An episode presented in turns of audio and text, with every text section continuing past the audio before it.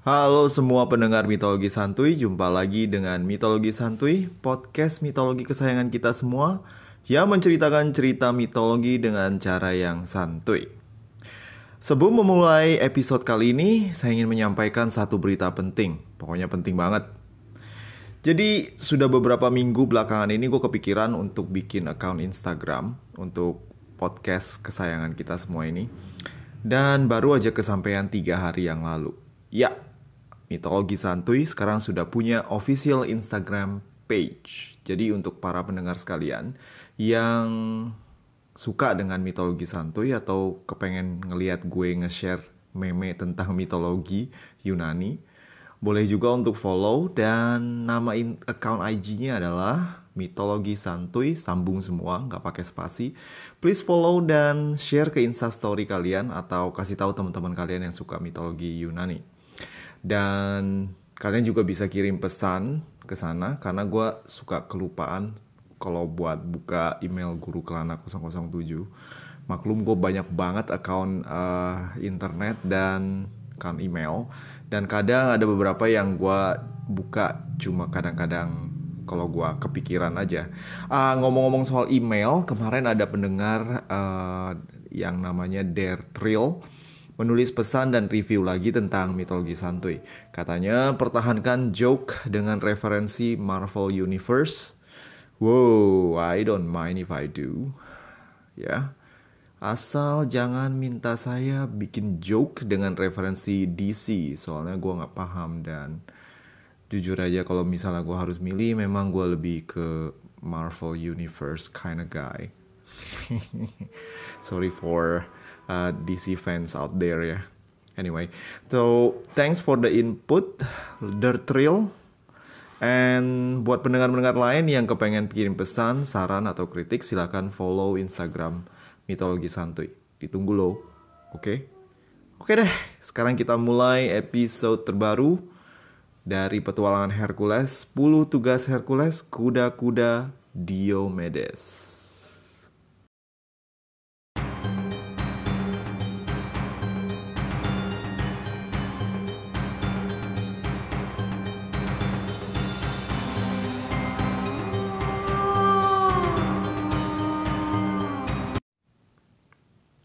Di episode yang lalu kita tinggalkan Hercules yang telah menyelesaikan misinya menangkap sapi jantan dari kereta yang kemudian dilepaskannya lagi dan berubah nama menjadi sapi jantan maraton. Well, um, maksud gue sapi jantan maraton di sini bukan sapi jantan yang ikutan lomba lari maraton ya, tapi karena si sapi meluluh lantakan maraton, itu nama tempat, maka nama tersebut kemudian melekat jadinya sapi jantan maraton still kedengeran kayak sapi lari maraton ya. Anyway, whatever.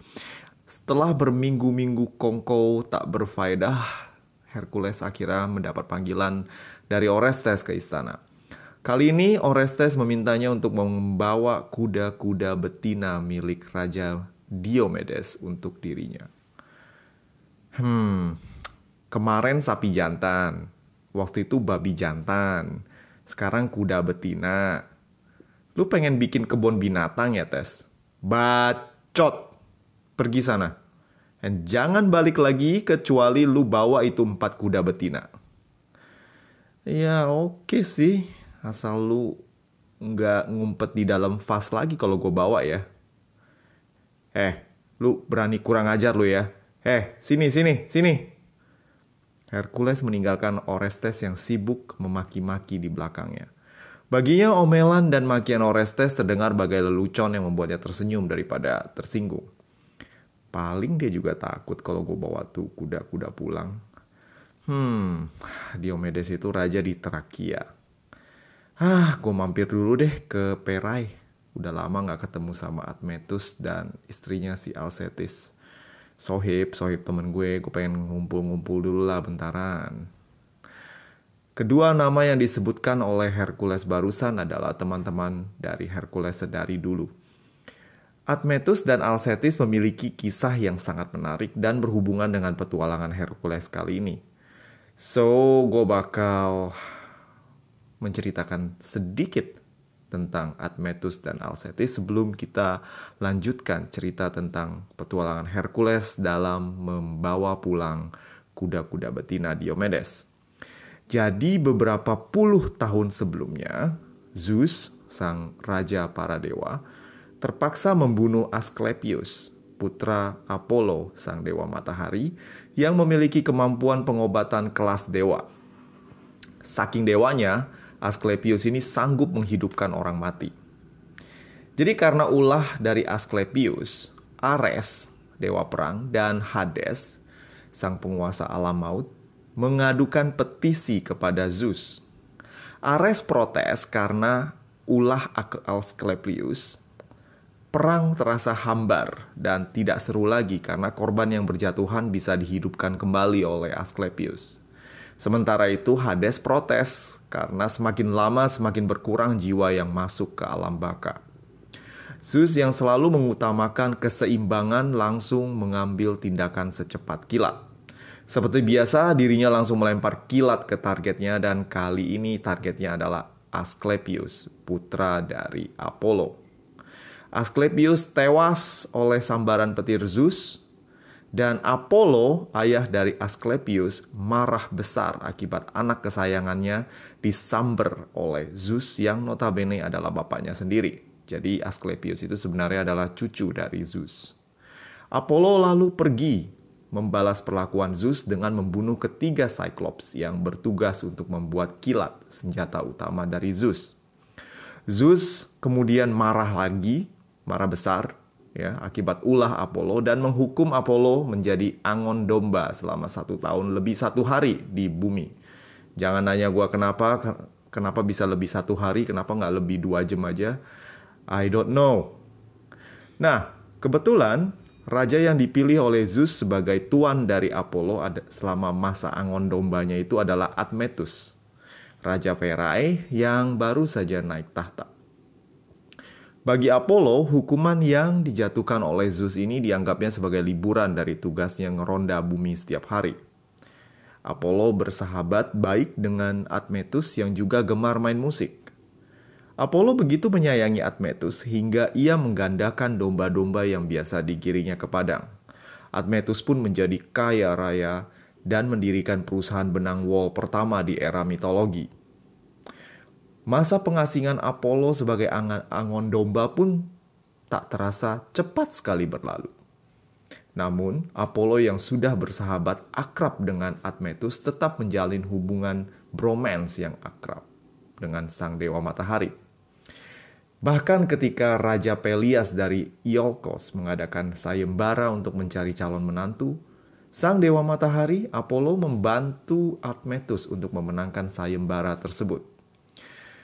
Barang siapa yang bisa mengemudikan kereta yang ditarik oleh singa dan juga seekor babi hutan akan dapat menikahi Alcetis, putriku yang jelita. Demikian kata sang raja.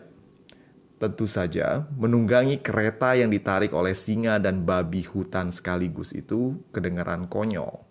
Namun hal ini tidak mengurangi pemuda-pemudi, sorry, pemuda saja dari seluruh Yunani untuk berpartisipasi.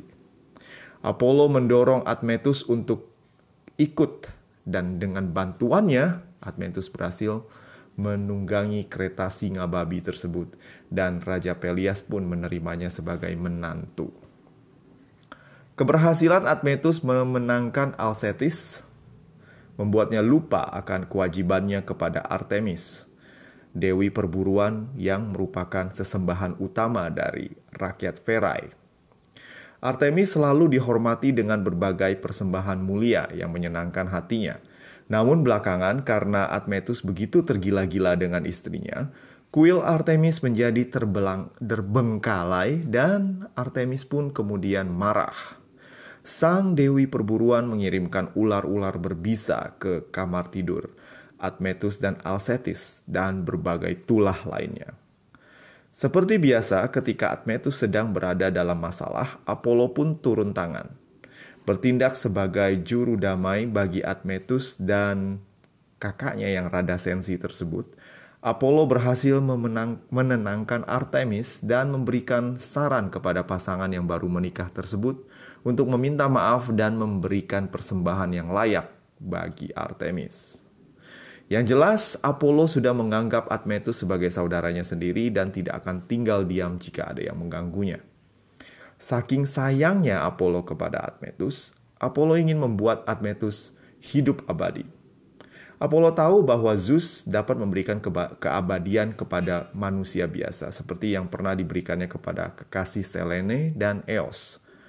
Namun, perselisihannya dengan bapaknya sendiri itu membuatnya tidak ingin buang napas untuk memohon kepada Zeus. Apollo yang cerdik memilih untuk mengadakan pendekatan lain. Pendekatan kepada para morai atau ketiga dewa dewi nasib. Para morai ini adalah penentu dari kehidupan manusia. Bangsa Yunani percaya bahwa ketiga dewi ini yang wujudnya mirip nenek sihir, tiga orang, yang bernama Kloto, Lachesis, dan Atropos. Ketiga dewi ini memegang kendali benang kehidupan dan juga berperan dalam menentukan lamanya hidup kaum fana. Apollo mengundang ketiga dewi nasib yang kesepian ini untuk hidup sebentar dengan pengaruh minuman keras, keras, keras. So, Apollo mengundang para morai untuk minum-minum di istananya di Patara. Ketiga dewi nasib yang kuper dan tidak pernah mencicipi wine tersebut kemudian jatuh dalam rencana licik sang dewa matahari. Berkendi-kendi anggur disajikan dan ketika tiga dewa de nasib tersebut, dewi nasib tersebut mabok dan ngelantur, Apollo pun kemudian menyatakan udang di belakang bakwannya Eh sis, gimana wine-nya? Enak? Uh, enak sih. Demi chaos, gua nggak pernah nyobain kayak ginian. Jawab Kloto cengengesan. Oh, terus terus minum terus, nggak apa-apa. Kalau doyan nggak apa-apa nih, gue banyak, gue masih banyak nih. Gue baru dapat kiriman dari Dionysius kemarin. Nih, tak tuangin. Apollo terus menuangkan gelas demi gelas anggur kelas tinggi kiriman Dionysus, sang dewa anggur yang memang kelas wahid itu. Tos. Ah, ah enak banget ini anggur. Jadi gini nih, oh, gue pengen nanya sama kalian. Kalian kenal Admetus gak, temen gue? Tanya Apollo dengan akrabnya kepada ketiga Morai. Admetus. Admetus. Uh, oh ya Admetus yang raja itu ya, yang ya, suaminya Alcestis ya. Ah, ya ya ya ya itu itu tuh tuh. Tuh bener tuh. Tuh raja yang baik banget dah itu hopeng gue banget. Nah, gue minta tolong boleh nggak? Ya, tolong apa dulu nih? Jawab Atropos sambil sesegukan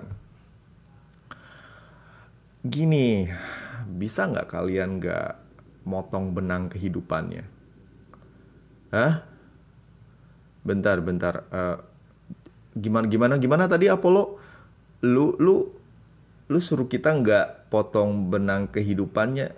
Lu pengen bikin dia hidup abadi? Tanya Atropos yang memang job desknya adalah memotong benang kehidupan tiap insan yang fana. Iya, kalau bisa sih. Jawab Apollo sambil tersenyum ragu-ragu. Tapi, ah, ah, minum lagi, minum lagi, minum, minum, minum, minum. Lanjut Apollo sambil menuangkan lagi anggur cap dewa mabok ke gelas ketiga bersaudari tersebut. Eh, gimana nih sis? Eh, tanya Atropos kepada kedua saudarinya yang lain. Di bawah pengaruh alkohol, ketiga dewi tersebut kemudian menyetujui permintaan Apollo dengan syarat dan ketentuan berlaku. Ahmetus, eh Admetus, eh, Raja Vera itu bisa sih hidup abadi asal asal ada yang mau mati gantiin dia. Nah itu syaratnya. Aduh, pusing gue pala eh pala gua pusing ucap Kloto yang kemudian tersungkur di meja perjamuan bersama kedua saudarinya. Apollo yang puas dengan jawaban para Morai lalu pergi dan menyampaikan kabar baik ini kepada Admetus. Bro, asal ada yang mau mati buat lu bro, lu bisa hidup abadi bro. Kata Apollo kepada Admetus yang tak pernah menduga dirinya dapat hidup abadi. Hmm, siapa yang mau mati buat gue ya? Pikir Admetus. Oh iya, bapak, bapak. Segera Admetus menghadap ayahnya yang kini sudah pensiun dan hidup damai di sebuah villa di Santorini. Enak aja, anak durhaka. Gila aja lu nyuruh gua mati buat lu sialan gak tahu diri. Teriak Veres ayahnya yang marah karena anaknya meminta dirinya mati demi keabadian dirinya. Sadar dirinya tidak bisa meyakinkan ayahnya, Admetus pun meninggalkan Santorini dan kembali ke istananya. Awalnya Admetus tidak pernah berpikir untuk hidup abadi, namun kini, kini dirinya menjadi terobsesi. Gagal meyakinkan ayahnya, dirinya terus mencari cara agar ada orang yang mau mati bagi dirinya. Alsetis yang melihat suaminya tidak bahagia dan begitu menginginkan untuk hidup abadi, kemudian mengajukan diri untuk mati demi keabadian suaminya. Serius, say? Serius? Tanya Admetus dengan mata berbinar-binar. Benar sayang, apa sih yang gak buat kamu sayang? Jawab Alsetis dengan penuh kasih sayang. Kau dengar itu Apollo? Alsetis akan mati demi diriku. Aku akan hidup abadi. Admetus pun kemudian membangun kuburan yang megah dan indah untuk Alsetis kelak. Admetus senang karena tak lama lagi hidup abadi akan menjadi miliknya. Namun, ketika membayangkan hidup tanpa Alsetis, dirinya pun kemudian gemetar dan menyesal. Hidup dalam keabadian tanpa orang yang dicintai adalah siksa neraka dalam kehidupan. Tak mungkin aku bisa hidup tanpa belahan jiwaku. Tidak, Aku tidak ingin hidup abadi. Tidak, aku harus membatalkan permintaanku. Admetus pergi menemui Alsetis, namun dirinya telah pergi. Nah, di saat berduka inilah Hercules tiba di istana Admetus. Dirinya yang baru sampai langsung menemui Admetus dan mengajaknya minum-minum. Dasar Hercules yang tidak peka, dirinya tak menyadari bahwa Admetus sedang berduka. Admetus yang tak enak hati tidak ingin merusak mood tamunya yang telah datang dari jauh tersebut. Admetus menjamu Hercules dengan makanan mewah dan anggur tiada batas. Sementara dirinya undur diri ke kamarnya untuk tenggelam lagi dalam lautan kesedihan. Hercules menikmati makanan demi hidangan dengan begitu rakus. Maklum, nafsu makan ala kuli jagoan kita ini tidak kalah dengan Obelix atau Son Goku. Seorang pelayan yang jengah melihat bagaimana Hercules enak-enakan makan sementara rajanya sedang berduka, tak ragu menegur Hercules. Om, kira-kira dong om, masa baginda raja lagi sedih, situ enak-enakan pesta? Hah? Sedih? Oh, kenapa? Ucap Hercules keheranan sambil berusaha bicara dan mengunyah. Baginda Ratu baru aja meninggal menggantikan Baginda. Jadi Baginda lagi sedih dan gak mau makan. Hah? Ye, gimana sih si bos? Gue tanyain dia, dia bilang gak apa-apa. Coba ceritain gimana-gimana. Tanya Hercules yang penasaran. Si pelayan pun kemudian menceritakan dengan lengkap plus bumbu-bumbu dramatis ala gosip emak-emak. Hercules yang menyimak dengan telaten pun kemudian pergi usai mendengarkan. Hercules tahu bahwa satu hal yang bisa dilakukan untuk mencegah sahabatnya tenggelam dalam lautan Nestapa tak berujung. Dirinya harus membawa kembali Alcetis ke pelukan Her pelukan Admetus. Meskipun dirinya harus berhadapan dengan kematian, dirinya harus mengejar Alcetis. Hercules meminta bantuan Hermes untuk mengantarkannya ke alam maut. Hermes yang gesit membawa Hercules ke pintu neraka di Hierapolis dan ketika berpapasan Ketika pergi ke Herapolis, Hercules berpapasan dengan arwah Alcetis yang kala itu sedang dibawa oleh Thanatos, sang maut. Dalam kebudayaan Yunani kuno, kematian disimbolkan dengan seorang dewa yang bernama Thanatos. Thanatos bertugas menjemput arwah dari dunia kehidupan dan membawanya ke Hades atau alam maut. Hercules membawa berhasil mencegat Thanatos dan Alcetis dan kemudian meminta Thanatos untuk melepaskan Alcetis. Tos, tolong lepasin Alcetis, please deh bro, kali ini aja. Eh, Putra Zeus, lu kagak tahu gue siapa? Gue maut, death. Mau gue bawa ke ma mau lu sekalian juga gue bawa ke alam maut? Hah? Gue buok. Belum selesai Thanatos bicara, Hercules sudah mendaratkan satu pukulan ke muka Thanatos yang tidak siap. Eh buset gue dijotos. Bukan gini juga kali mainnya. Eh, eh, eh buk. Sang maut kemudian dibawa gulat oleh Hercules yang kemudian melandaskan beberapa pukulan ke tubuh maut yang dipermainkan bagai anak kecil oleh Hercules. Setelah memukul Thanatos sampai babak belur dan teler, Hercules pun mengulurkan tangannya kepada Alcetis sambil berkata, Come with me if you want to live.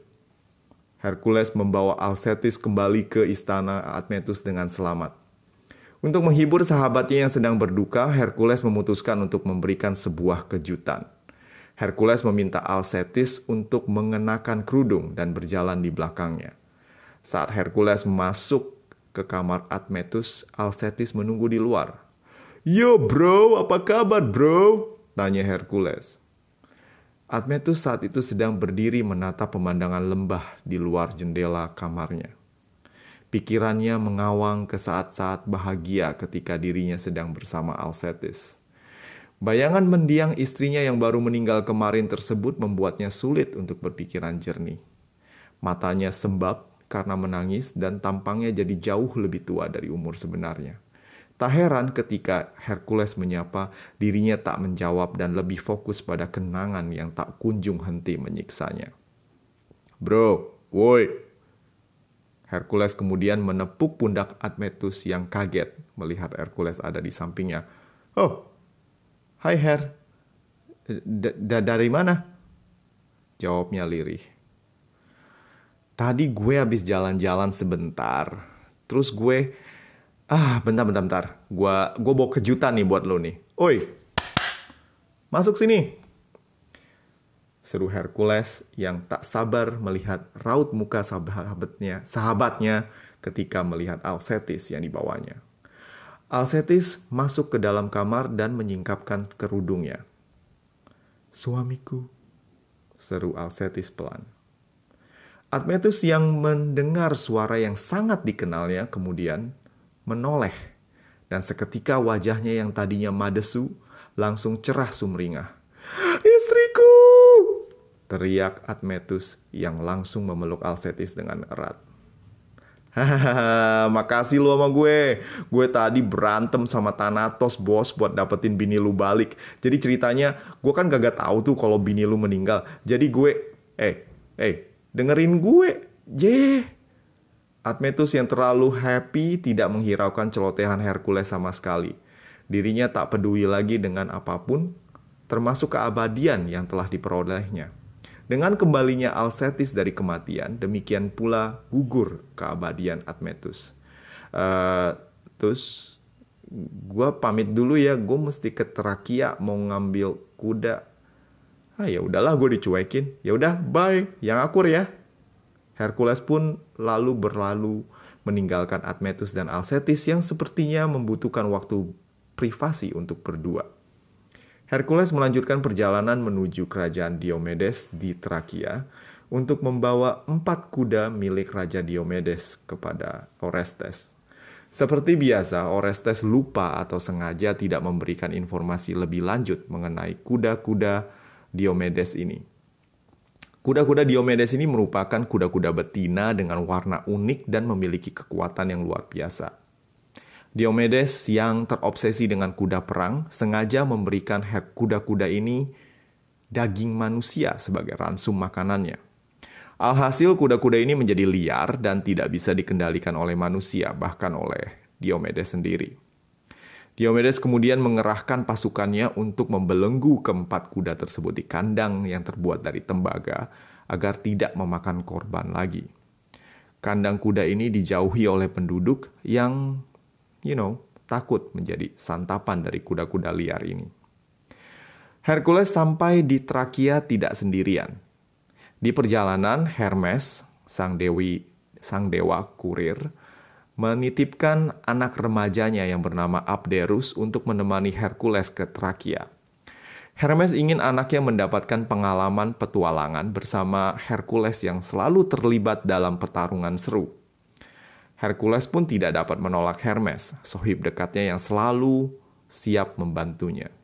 So, ketika sampai di istana Diomedes, Hercules ingin bernegosiasi dengan Diomedes perihal kuda-kuda tersebut, sementara Abderus yang mewarisi keisengan ayahnya sibuk jalan-jalan di sekitaran istana. Dan ketika melihat kandang kuda tembaga di belakang istana, dirinya pun tertarik menghampiri. Kuda-kuda yang gagah tersebut menarik perhatian dari si bocah Abderus. Dan malang bagi si bocah, Abderus berdiri terlalu dekat dan satu kuda menggigit tangannya dan menariknya ke dalam kandang. Abderus berteriak histeris namun terlambat. Keempat kuda yang terbiasa makan daging manusia tersebut melumat habis tubuh Abderus. Hercules yang mendengar teriakan Abderus segera berlari ke kandang dan menemukan sisa pakaian Abderus dan darah yang membasahi kandang. Hercules marah dan kesal. Darahnya mendidih dan sifat marah tak terkendalinya pun kemudian menguasai dirinya. Hercules menghajar semua pengawal kerajaan yang ada di sekitaran kandang dan istana. Tak puas membantai para pengawal, Hercules berlari mengejar Diomedes yang disalahkannya akibat membuat kuda-kuda ini haus darah. Diomedes berlari dan berusaha menyelamatkan diri dari amukan Hercules, namun sia-sia. Hercules berhasil menangkap Diomedes yang kemudian dipatahkan kakinya dan langsung dilemparkan ke kandang tembaga para kuda betina tersebut kemudian menyantap Diomedes hidup-hidup. Dan seolah sebuah ironi, kuda-kuda ini kemudian menjadi jinak setelah menikmati daging mentah milik Diomedes. Hercules pun kemudian membawa empat kuda ini kembali ke Mycenae dan mempersembahkannya untuk Orestes. Orestes tampaknya memang harus terbiasa dengan kekecewaan karena Hercules selalu kembali dengan selamat. Orestes menerima kuda-kuda tersebut dan mempersembahkannya kepada Hera sebelum kemudian diternakan di peternakan kuda miliknya.